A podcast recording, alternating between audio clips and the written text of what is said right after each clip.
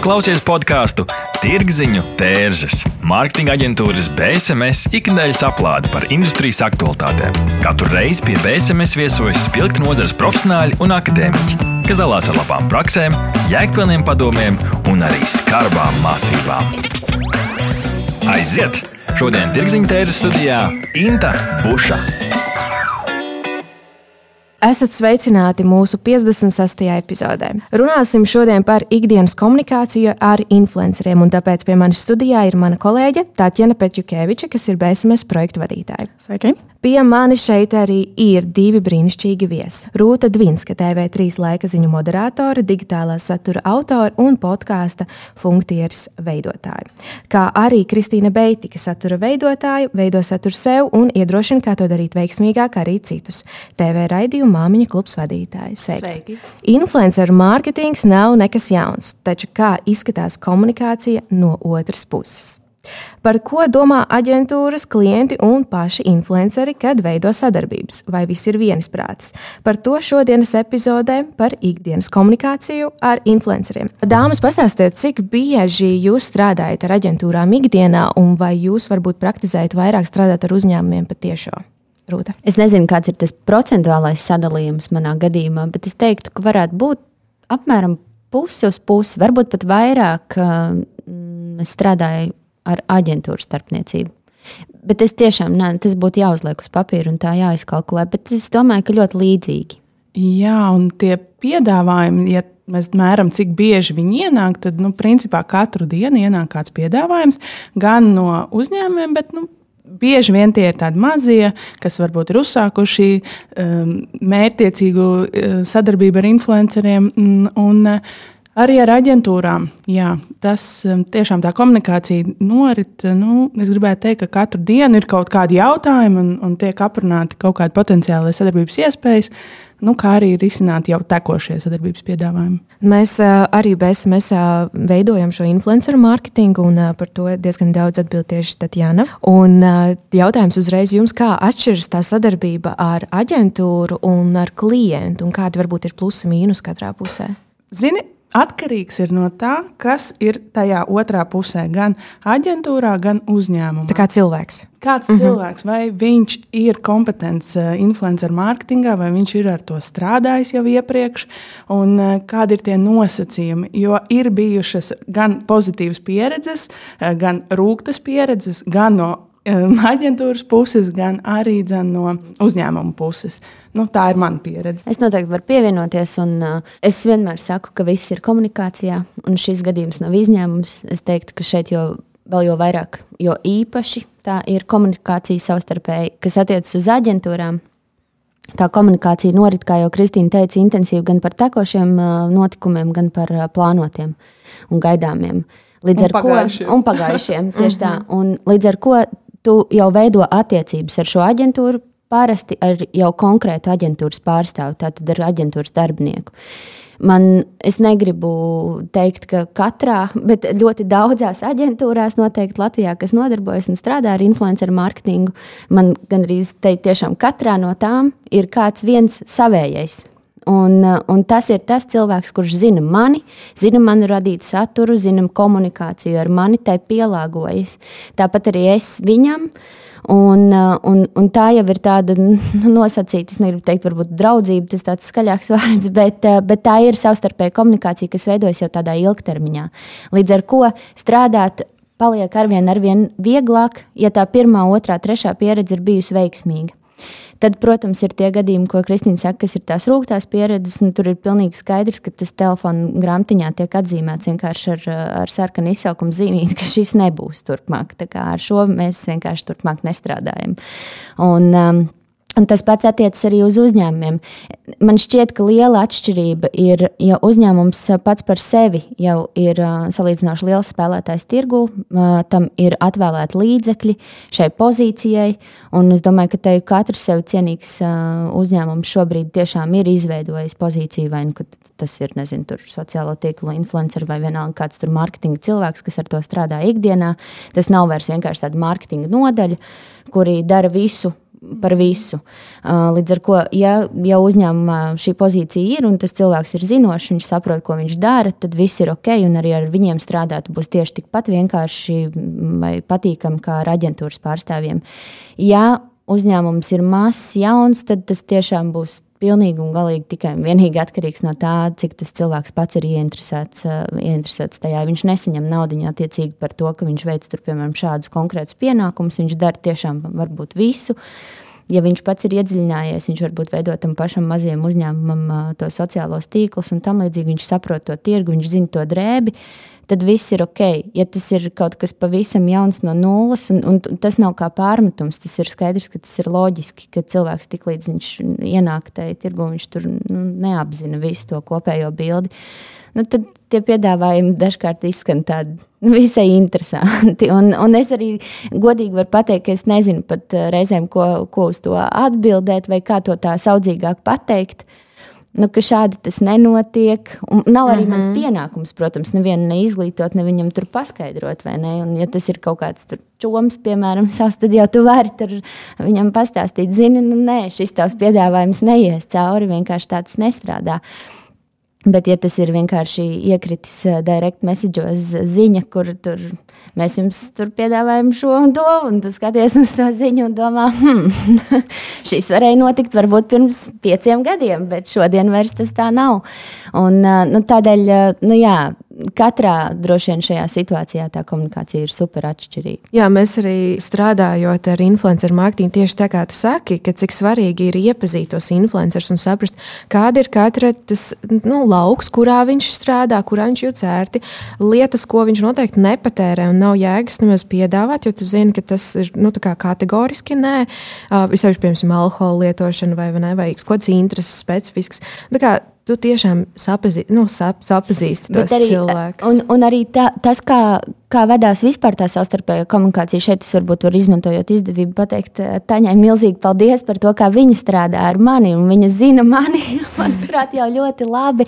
Un es zinu, ka es varu, un es atvainojos Taņu, tev uzrakstīt desmitos vakarā vai pilnīgi absolūti nepieklājīgā oh, laikā, oh. darba daļa. Tiešām es, es, es nejūtos labi tajās situācijās, bet es zinu, ka es saņemšu tūlītēju atbildi. Savukārt Taņa zina, ka man ir jāraksta varbūt piecas reizes kaut kādas lietas, līdz es izdaru to. Un tas ir tāpēc, ka mēs vienkārši jau esam ļoti labi sastrādājušās. Un ir vēl šādi aģentūrās arī cilvēki, kuri tiešām man, viņu vārds ir ierakstīts manā telefona grāmatā. Tur nav rakstīts vienkārši nezinu, kaut kādas aģentūras mm. nosaukums, bet es jau mm. zinu, ka tā tur ir Elīna, Signāja, Dana vienalga un Pēters. Un, un, un tas, tas ir ļoti, ļoti daudz no svāra. Un šie cilvēki ir ļoti, ļoti jānovērtē. Tas darbs, ko viņi dara, manuprāt, tā ir tāda mazliet auklēšanās arī savā ziņā ar tādu bērnu dārzu. Es nezinu, taņas maidu, bet tu nevari nepiekrist droši vien. Jo nu, tev ir jākomunicē. Nu, tā ir komunikācija, tā ir nepārtraukta komunikācija ar ļoti, ļoti, ļoti dažādiem cilvēkiem. Un es nu, tikai varu apbrīnot. Bet es šeit gribētu papildināt un piemitināt arī to, ka arī influencerim, cik svarīgi ir kopt šīs attiecības, jo no nu, aģentūras ir tik, cik viņas ir, šie cilvēki ir tik, cik ir. Un uh, nereti tieši tavs komunikācijas stils ir tas iemesls, kāpēc uh, pie tevis atgriežas ar vēl un vēl piedāvājumiem.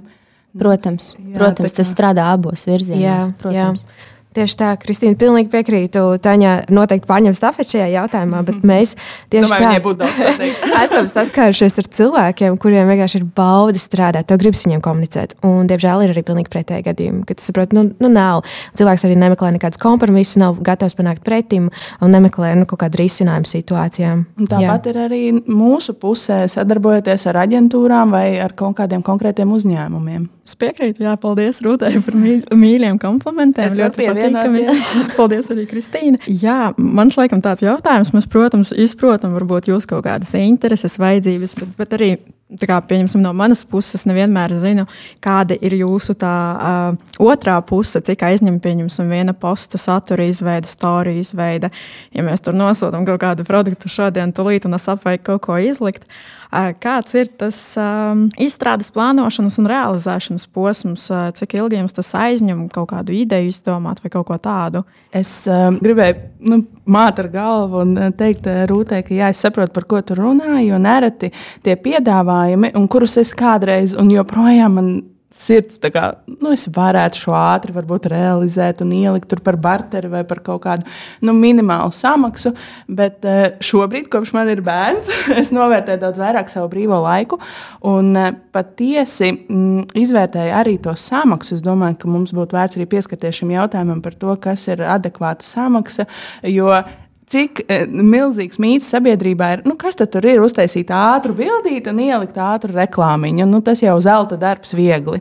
Bet e, patiesībā aiz tā stāv milzīgs darbs. Nereti ir iesaistīts fotogrāfs, vēl video cilvēks, kas e, palīdz e, šo visu uzfilmēt, samontēt, iespējams, teksta uzrakstīšanu. Tas arī nav ātrs pasākums, lai iepītu šo reklāmu, kas e, sabiedrībā nav mīlēta, bet e, tomēr kādreiz viņiem patīk, ir noderīga un, un atlaiž kaut tiek izmantot aktīvi. Bet, eh, jā, kā, nu, tas var būt pat vesels dien, darba dienas eh, jautājums, lai sagatavotu vienu publikāciju. Šodien arī es vēlāk došos uz eh, vienu vietu, kur man ir paredzēts sešu stundu darbs, lai veiktu vienu publikāciju. Un tas ir tikai tur uz vietas, un pēc tam vēl notiek apstrāde. Protams, ļoti individuāli. Ir arī tādi mm, sadarbības partneri, kuriem tu vari dabiski uztaisīt saturu ātri, bet nu, tur ir arī vairāk gadu pieredze.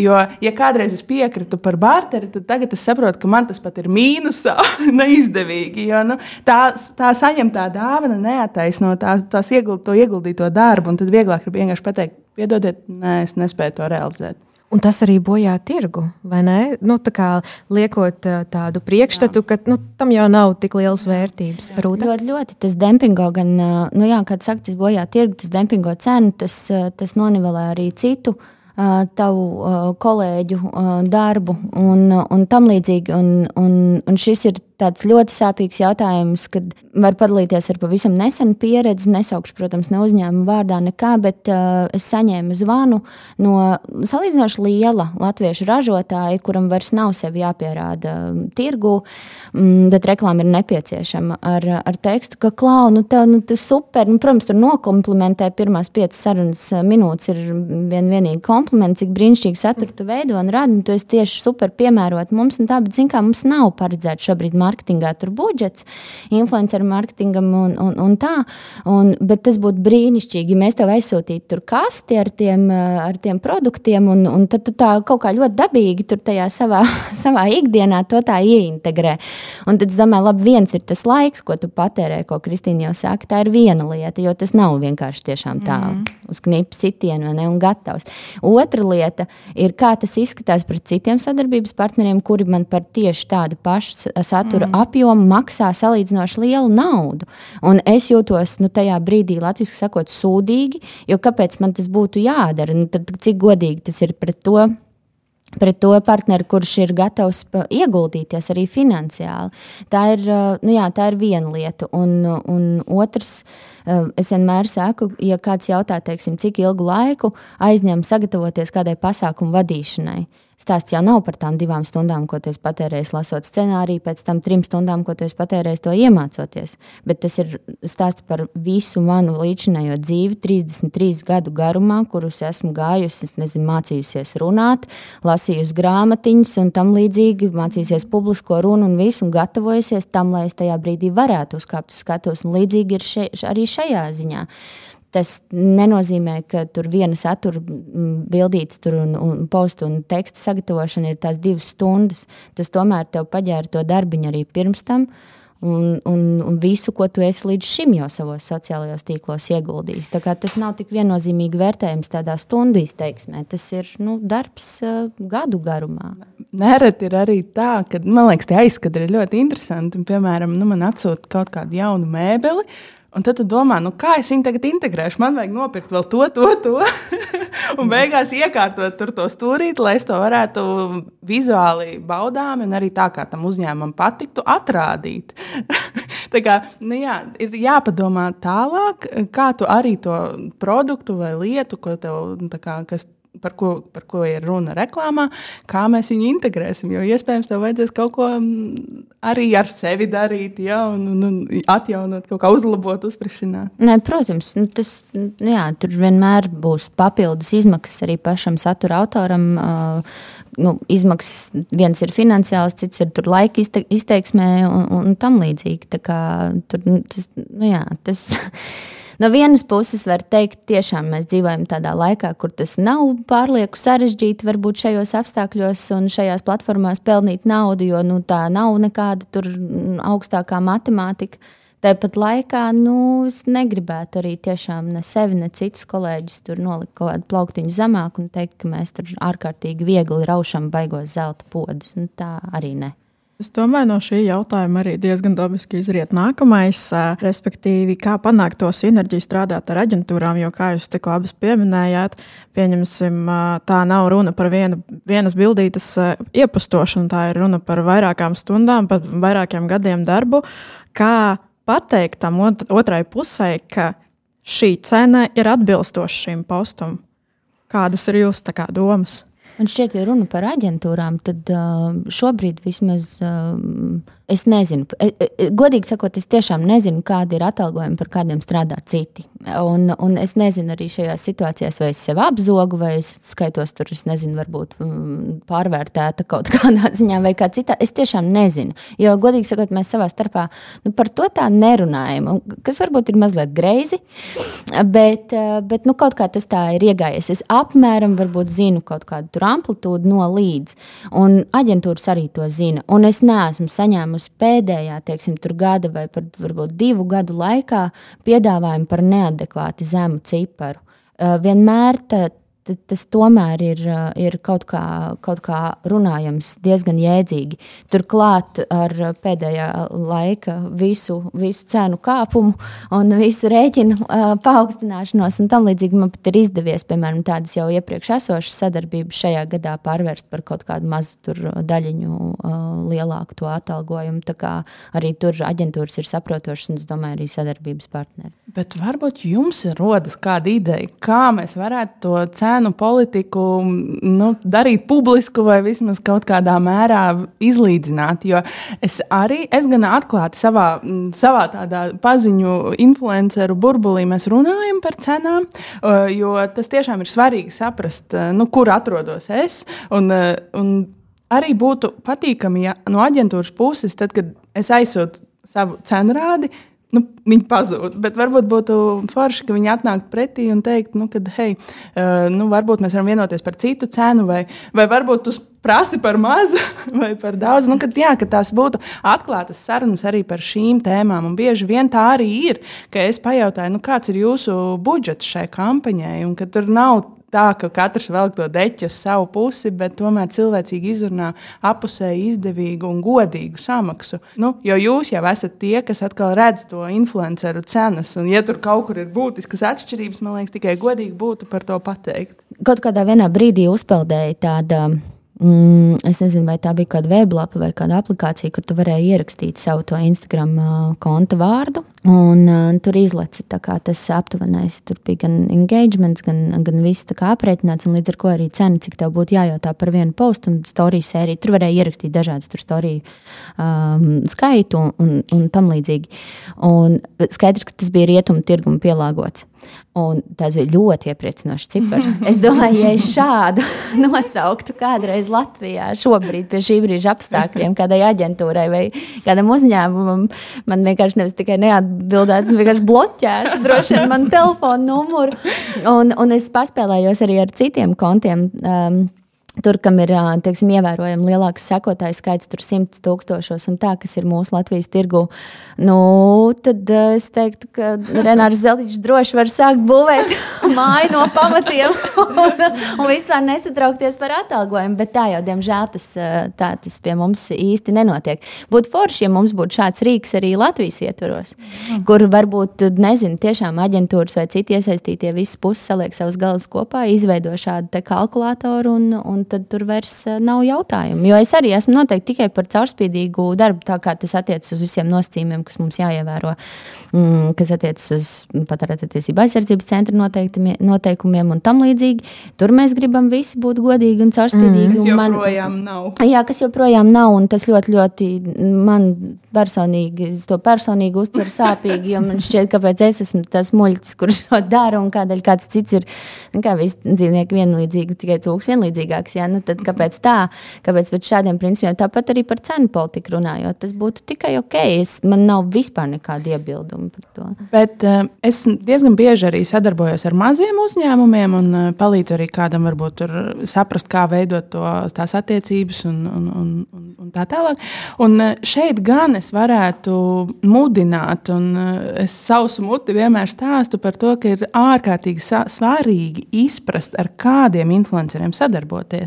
Jo, nu, būsim godīgi, ļoti daudzi ir panākuši to pašu sekotāju skaitu negodīgos ceļos, un vai vispār tā mērķa auditorija atbilst, vai ir vērts sūtīt savu eh, produkciju kādam, kuram ir eh, milzīgs arsenāls reklāmu jau ar līdzīgiem, un, un vai tam būs atdeve. Jo es esmu bieži dzirdējis, ka sadarboties ar influenceriem nav. Um, nav vērts, jo nav atdeve no tā. Bet šeit mēs, domāju, visi varētu oponēt, ka uh, tomēr ir svarīgi ar, nu, trāpīt tajā īstajā kategorijā, ar ko sadarboties. Tāpēc šeit būtu kaut vai uz tādu konsultāciju atnākt uz aģentūru mazam uzņēmumam, ja viņiem nav finansiāli līdzekļi algot šo pakalpojumu.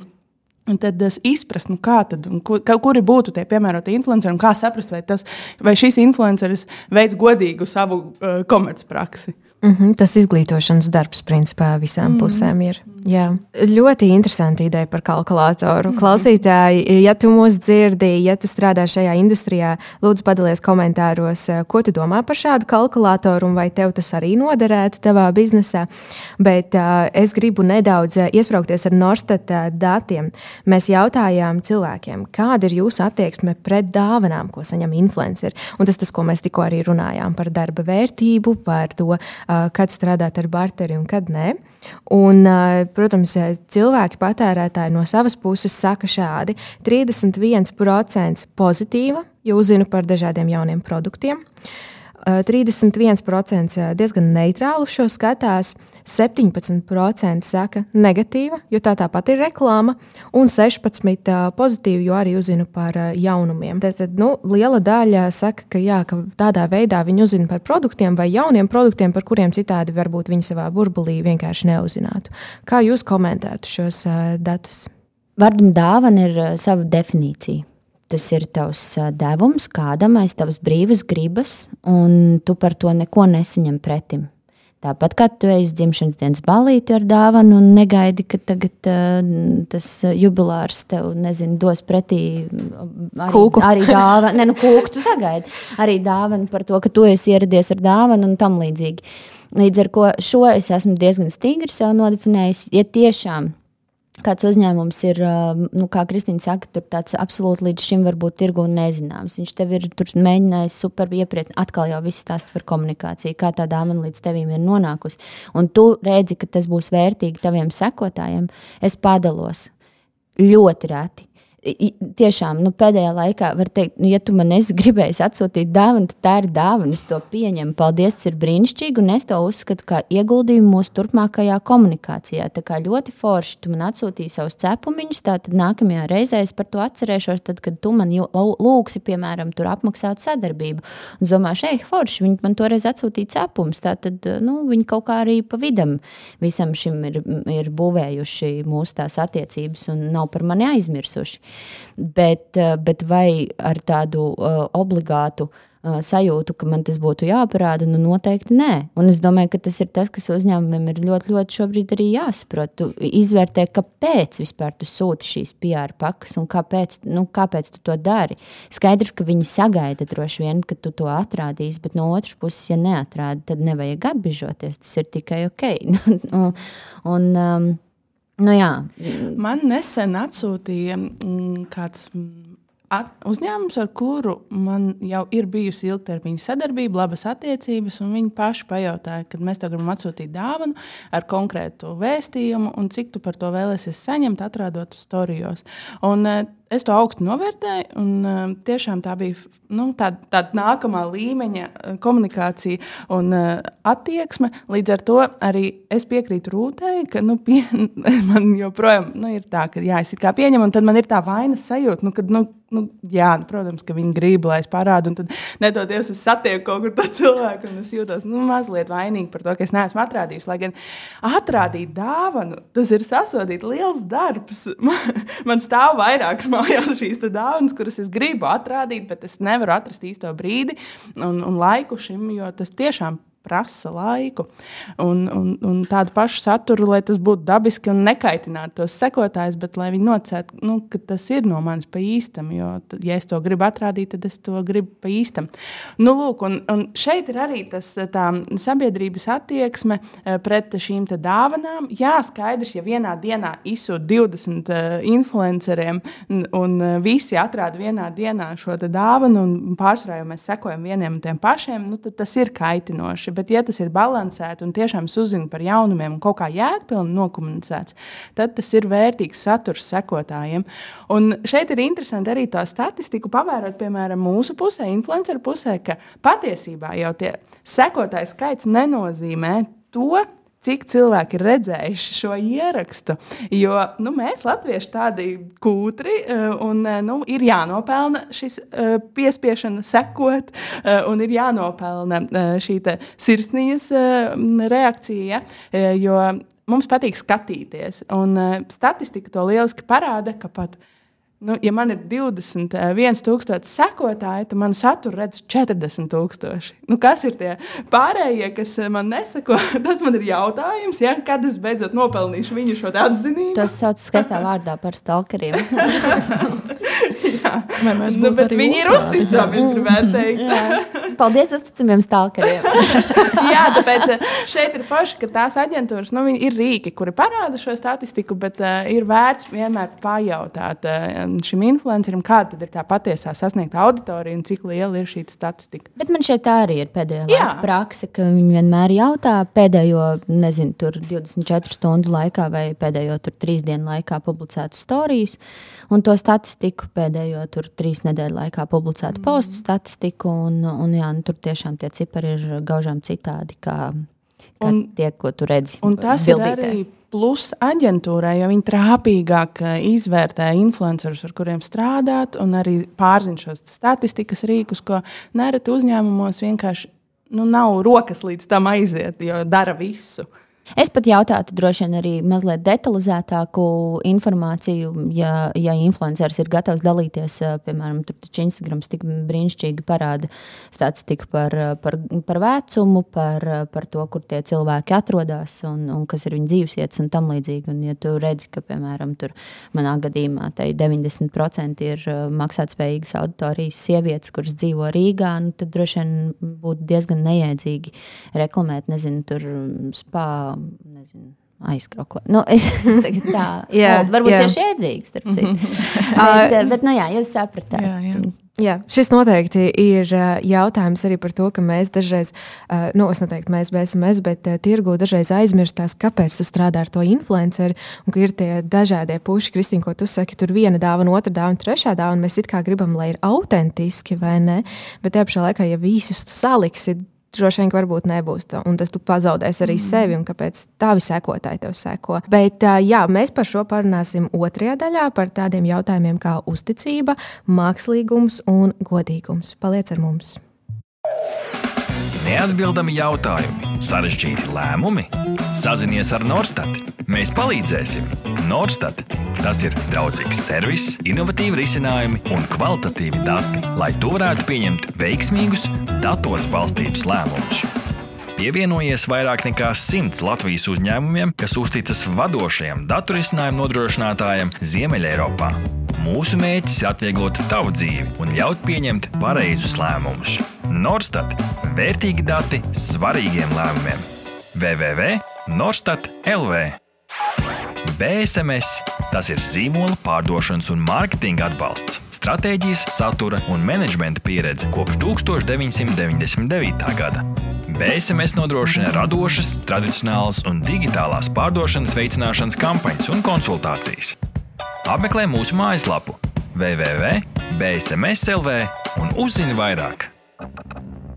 Jā, mākslīgums, atklātība, šīs noteikti ir vēl tēmas pilnīgi, pilnīgi citai sarunai, bet uh, mēs ar Norstat palīdzību jautājām cilvēkiem, cik bieži jūs pamanāt satura veidotāju, iekavās influenceru publikācijas, kuras ir mākslīgas, un uh, lielākā daļa, nu, teiksim, 26% vismaz pāris reizes nedēļā. Tas izklausās diezgan bieži.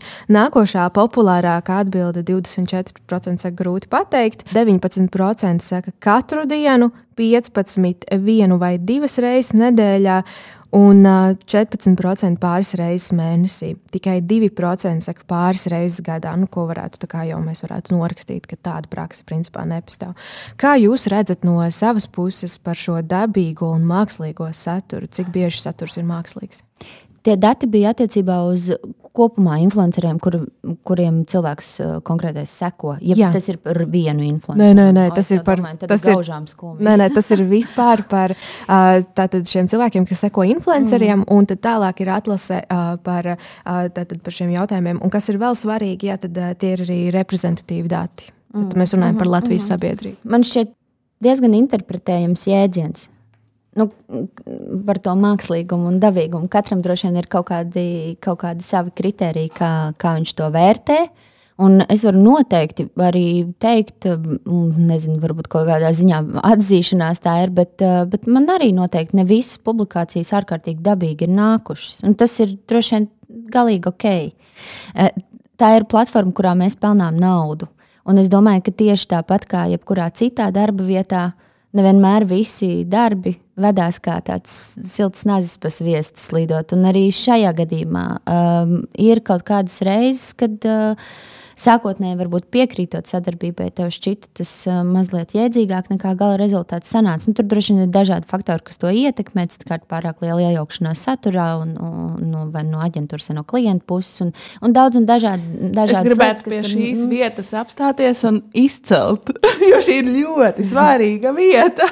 Rūta mums ir pilnas sirds, es ticu. Tāpēc, ka, jā, ja sākotnēji es redzu, kā es šo varētu uh, veiksmīgi iznest un uh, Eh, dabiski interpretēt savā saturā, tad es negaidīju to, ka pēkšņi aģentūras pārstāvis vai uzņēmuma, nu, šī produkta pārstāvis to kā, nē, nē, nē, nē. nē. Lai par 180 grādiem pāri. Jā, un, no, un, līdz ar to nav, un līdz ar to nav sasniegta auditorija. Tas izskatās reklāmīgi un tas ir kaitinoši. Mm -hmm. Tāpēc uh, es aicinātu uzticēties tam satura veidotājam, jo viņš vislabāk zinās, kā uh, izveidot šo reklāmu tā, lai tas būtu visām pusēm interesanti. Bet es saprotu arī droši vien tās bāžas un bailes uh, šajā uzticības Jā. jautājumā gan no aģentūras, gan no klienta puses. Nu, tieši tā kā Kristīna jau iepriekš teicu, ne visi dara savu darbu godprātīgi. Un, un es saprotu, ka, ja tu vienreiz esi apdedzinājies, tad turpmāk būsi uzmanīgs. Bet, uh, Te atkal jau droši vien katra tā pieredze vienkārši ir kā liela, liela un feina mācība. Un tā es to arī uztveru turpmākajām sadarbībām. Es nu,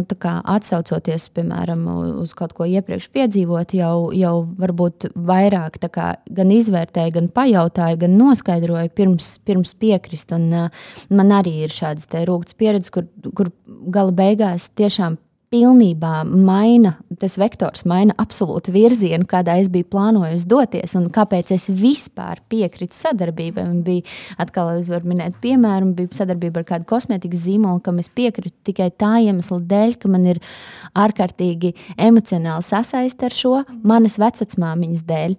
Un man tas likās tik silti, mīļi un brīnišķīgi, ka es varēšu pastāstīt, ka zīmols dzīvo vēl šodien, un mēs to lietojam šobrīd tā, un es atceros savu bērnību un tā un man absolūti, pilnīgi simtprocentīgi aizliedza pieminēt vispār jebkādu sasaisti ar zīmolu pagātni, ko es varu saprast, tas ir tas, ko viņi mēģina, kā, no kā viņi mēģina aiziet. Viss ir fini. Tikai būtu bijis jauki, ja mēs šo būtu norunājuši jau startā. Jo bija tā, ka es aģentūrai paziņoju par to, ka jā, es tam piekrītu, tāpēc, ka man ir tik brīnišķīgas bērnības atmiņas. Tajā mirklī, ja super, paldies, ka piekrīt, mēs sūtām klientam, klients apstiprina, brīnišķīgi, sākam strādāt, es sarakstu tekstu un man vienkārši un safilmē video, kas ir vissāpīgākais. Mm -hmm. Jo tas viss ir jāpārfilmē. Un mēs iedzāmies beig, beigās tur, turp un atpakaļ, turp un atpakaļ neskaitāmas reizes, kamēr es sapratu, vienkārši, ok, labi, es nospļaujos, es esmu parakstījis līgumu, man, man rokas ir sasietas šajā mirklī, un es neko tur nevaru izdarīt. Un, uh, un beigās es vienkārši radu saturu, kādu tas zīmols ir gribējis, un, un, un viņi, viņi to ir arī dabūjuši. Mans sekotājs no tā nav absolūti necik ieguvējis, jo es zinu, uz ko mans sekotājs pavēlkās. Viņš pavēlkās uz emocijām, viņš pavēlkās uz saturu, ko rādu es autentiski romantiski. Beigās vienkārši nu, stulbi. Nu, un, un žēl, un, un, un tādas, tādas situācijas ir, un, un tās māca. Un, un tāpēc um, Nu jā, šobrīd es noteikti varu teikt, ka nu, pēc tādiem gadījumiem es katru reizi esmu mazliet piesardzīga un mazliet vairāk pārjautāju, izjautāju un, un tā tālāk. Komunikācija. Un komunikācija jā, jā, es piekrītu. Man arī ir bijušas tādas situācijas, ka es nožēloju, ka es piekritusi, vai pat varbūt kaut kādā komunikācijas posmā ir bijuši atteikumi. Nu, ka es atsakos no šīs sadarbības, jo es saprotu, ka es to nespēju realizēt tā, kā viņi ir iecerējuši. Un, bet par to atteikumu par to ticības momentu. Nu šeit ir savādāk. Es domāju, jāstāsta plašāk, vai tu vispār uzticies šim influencerim, jo tomēr vairums influenceru diezgan eh, daudz sevi parāda, un tu jau vari iepazīt, kāds eh, šis cilvēks ir aiz tā visa satura, ko viņš veido. Un vai tu uzticies viņam? nu, kā cilvēkam, un, un tad jau tu vari arī ar tādu, nu, protams, skeptiskumu, bet tomēr eh, nu, saprast, ka viņš šo ir pieņēmis, jo tas sakrīt ar šī influencera vērtībām. Un uh, tieši pretēji arī var pamanīt, kur kur šie satura veidotāji ņem pretī visu, ko dod. Tad, jau, tad, tad gan tas ir kā reklāmas pauze. Bet es domāju, ka mēs to pamanām daudz labāk varbūt, nekā sekotājs, jā, kurš nav nu, influenceris. Tādēļ, ka tu jau zini, kas no, iekrits tavā direkta messagē. Tu redz jā, tos piecus, jā, jā, jā. piecus piedāvājumus, kam tu esi atteikusi, un tad redz nākamajā dienā tos piecus influencerus, kas, kas tam ir piekrituši, un tu zini par kādiem nosacījumiem. Līdz ar to, protams, tas sekotājs, kurš nepatērē šo platformu sev, um, nu, savam darbam, viņam to būs varbūt grūtāk uh, kaut kādās reizēs reizēs saskatīt nekā tie, kas jau to, to, to tirgu zina.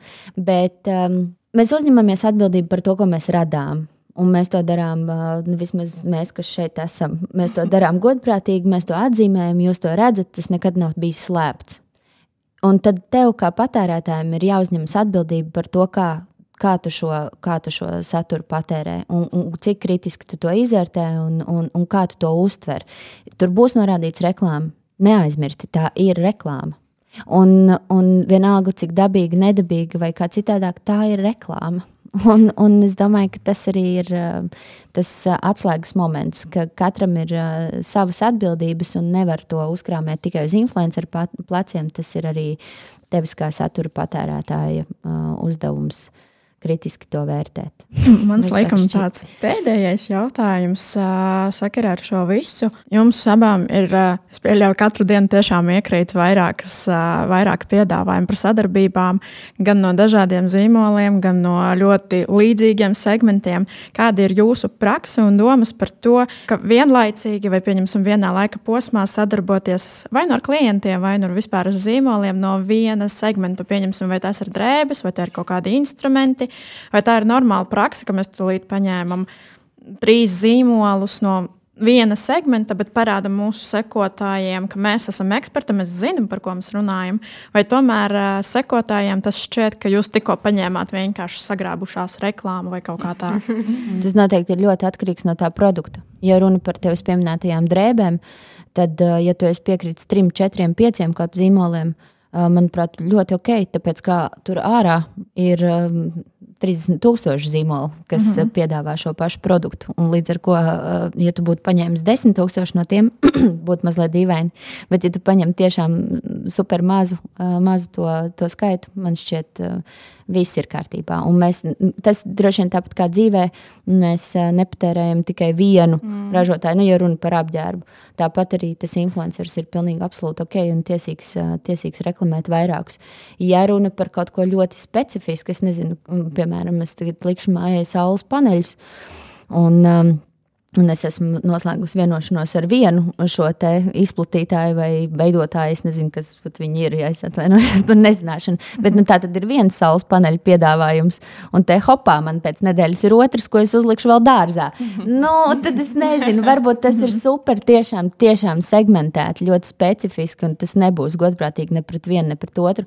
Tāpat laikā mm, tu arī zini, ka mm, tu, Taņa, tie, kas mums neredz, tu zini, kā, kā tas strādā tajā gadījumā gadījumā, kad tev ir līguma saistības, un uh, es vienmēr esmu bijusi uh, arī godīga pret to uh, zīmolu, ar ko man ir šis līgums, un es vienmēr pajautāju tādā gadījumā aģentūrai, ko viņi saka, vai ko zīmols teiks, ja es piekritīšu šai vai tai sadarbībai ar kādu, nu, varbūt ne pat tieši konkurentu, bet iespējami, ka tur kaut kāda segmenta pārklājās. Un, uh, un man šķiet, ka tas taču arī ir tikai normāli. Tev ir visas iespējas pajautāt, nokomunicēt un, un paprasīt abām pusēm, vai viņiem tas, viņiem tas ir pieņemams pieņemama. Nu, ja viņi ir piekrituši, tad kas tur var būt nepieņemams? Tad viss tad vienkārši strādā. Pievienojos, un bieži vien arī līgumā ir atrunāts, ka, ja es sadarbojos ar vienu konkrēto zīmolu, tad es eh, šajā laika posmā, un arī kaut kādu laiku pēc, vai nevaru sadarboties ar tieši konkurējošiem.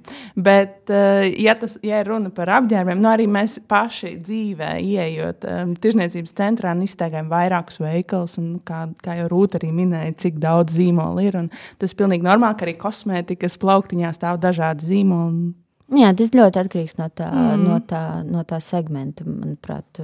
Ko, es pieļauju, ka to var arī atrisināt ļoti kreatīvi un dažādi. Piemēram, ja, ja ir viens plānotājs, ka, ka, kas tev, teiksim, nezinu, tiek uzdāvināts, kā, un tad pēkšņi uzrādās otrs un trešais, varbūt tā izplānotāja apskatu. tu būsi parādījis visus. Nu, zin, kā, un tad arī tas sekotais būs ieguvējs. Baigi forši. Viņam mm. būs brīnišķīgs apskats, no kā izvēlēties. Tu būsi noreklamējis visas trīs tev piedāvātās plānotājs, un visi ir beig beigās beigās ieguvēji un laimīgi. Tā kā, nu jā, tas noteikti atkarīgs no tā, kā to, kā to pasniedz. Finišējot mūsu epizodi, kas būtu jūsu ieteikums tiem produktu un zīmolu vadītājiem, kas tagad mūs klausās un domā, hei, jā, re, kur es redzu jau kaut kādas lietas, kuras varētu varbūt uzlabot, un kas būtu tie jūsu viena, vieni galvenie ceļu vārdi? Nu, Nopūta. jā, nu, izzināt tirgu, vērot tirgu, vērot tendences, iegūglēt influenceri, ar kuru tu plāno sadarboties, jo varbūt tur izlaiž kaut kāds sarkanais signāls. Un kaut vai aprunāties ar tiem, kuri ar lieliem zīmoliem, ar profesionāļiem, ar aģentūrām. Nu, jā, tā kā nešaut visur ārā tikai tāpēc, ka vajag kaut ko darīt, bet tiešām saprast un nesteigties, bet tā izzināt šo nozari. Mm, un nepakautrēties, pajautāt, tiešām, ja mēs runājam par tiem pašiem statistikas datiem. Mm. Es domāju, mm, tas nav nekas ārkārtēji slēpjams. Varbūt trešajām personām es tur viņus tur publiski neizlikšu, bet uh, aģentūrai vai kādam sadarbības partnerim, kāpēc ne? Un tad, tad jau radīsies uh, tas priekšstats, par ko un ar ko tu strādā. Uh, Mm, jā, un nedarīt tiešām, kā Kristīna saka, nenospiest pogu, follow. Es taču redzu, ka tu tikko esi man sācis sekot. Tad uzrakstīt, es jums sekoju, jums tik brīnišķīgs saturs, es vispār bez jums dzīvot nevarētu. Tie bija tie stalkeri. Tā kā, nu jā, jā, mazliet, mazliet varbūt um, paskrūlēt cauri arī kaut vai tam, tam profilam un, un saprast, saprast, vai tas būs, tas būs tev Un uzticēties arī influenceram. Tas ir kopdarbs, komandas darbs, izveidot um, veiksmīgu reklāmu. Un reklāmas strādā. Tām ir atdeves, kā mēs ar Rūtu parunājām. Jā, jā, jā. Tā ir. Jā. Tatjana. Vai tev būtu svarīgs uh, vārds, ko es abas arī, un visas mēs šķiet, mēs šodien nokomunicējām, ir komunikācija. Tas ir tāds uh, vienkārši nebaidīties, iet un jautāt, iet un prasīt. Un, uh, tas, laikam, ir tās veiksmes atslēga. Mm, jā, redzēt, vai ne to sadarbību kā divvirzienu ceļu, nevis tikai, ka tu, tu kaut ko tikai saņemsi pretī un neko nedos pats un nedefinēsi kaut kādas vajadzības. Tas ir rūt, tas, ko tu saki, vai ne, un tā komunikācija. Tā kā, bet, jā, ja, ja uzņēmēji vai zīmola vadītāji tu pats nespēj nodefinēt šīs vajadzības, tad ir ļoti profesionāls aģentūras, un mēs arī esam šeit, lai tev palīdzētu. Teikšu paldies! Lūdzies! Prasiet taņu. Lūk, jūs dzirdat atsauksmes, tā kā paši izdariet secinājumus. Ar mani, jā, šeit studijā man kolēģi Tatjana Peļukeviča un uh, divas brīnišķīgas vieses uh, - Kristīna Beitika, satura veidotāja un Rūta Dvīnska TV3 laiku ziņu moderātora. Paldies jums liels, uh, ka bijāt šeit uh, studijā un pie mums par šo tēmu parunāt. Paldies! Paldies. Paldies, ka klausījāties BSMS podkāstu Tirziņu tērzes. Aplādi ar labām praktiskām, jēgpilniem padomiem un skarbām mācībām. Patika epizode? Dalies sociālajos medijos, ir idejas tēmām vai viesiem? Raksti mums! Tās bija Tirziņu tērzes. Tiekamies nākamnedēļ!